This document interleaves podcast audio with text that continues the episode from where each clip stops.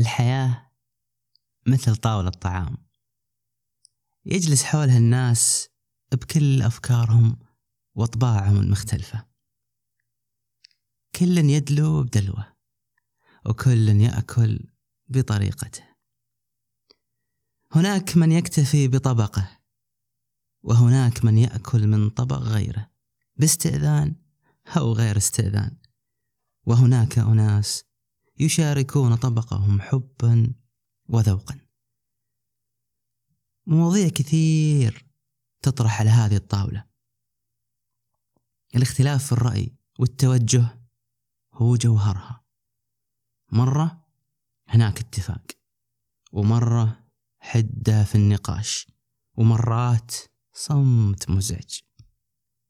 فيه اللي يؤجج الاحتدام والخلاف وفيه اللي يغير الموضوع لتهدئة الأجواء أو لظنه أن الموضوع لا يستدعي الجدال أو حتى الطرح.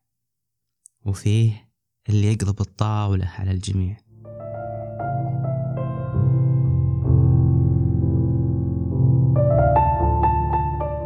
الناس فلاسفة في حياتهم. كل يغني على اللحن اللي يطربه وكل يكتب قصته مثل ما يحب. بعضهم ما يهمه لو لحنه مزعجك أو غير متناغم مع لحنك.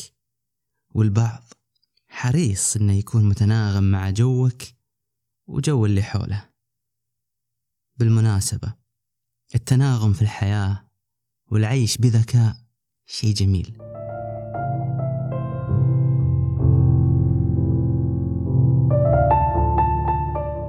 أنا راشد.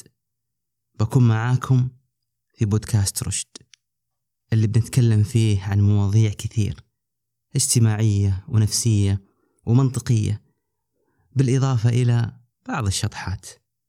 هدفنا أننا نخلق توازن بين العقل والعاطفة أننا ننسجم مع نفسنا ومع الأشخاص من حولنا ونتعلم كيف نفكر وكيف نتكلم مع أرواحنا.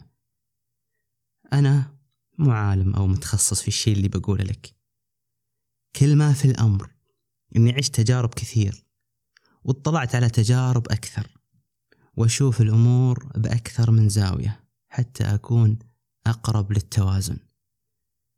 هذه كانت حلقة قصيرة تعريفية بالبودكاست. نشوفكم إن شاء الله في الحلقة الأولى بموضوع كيف تتعقد حياتك.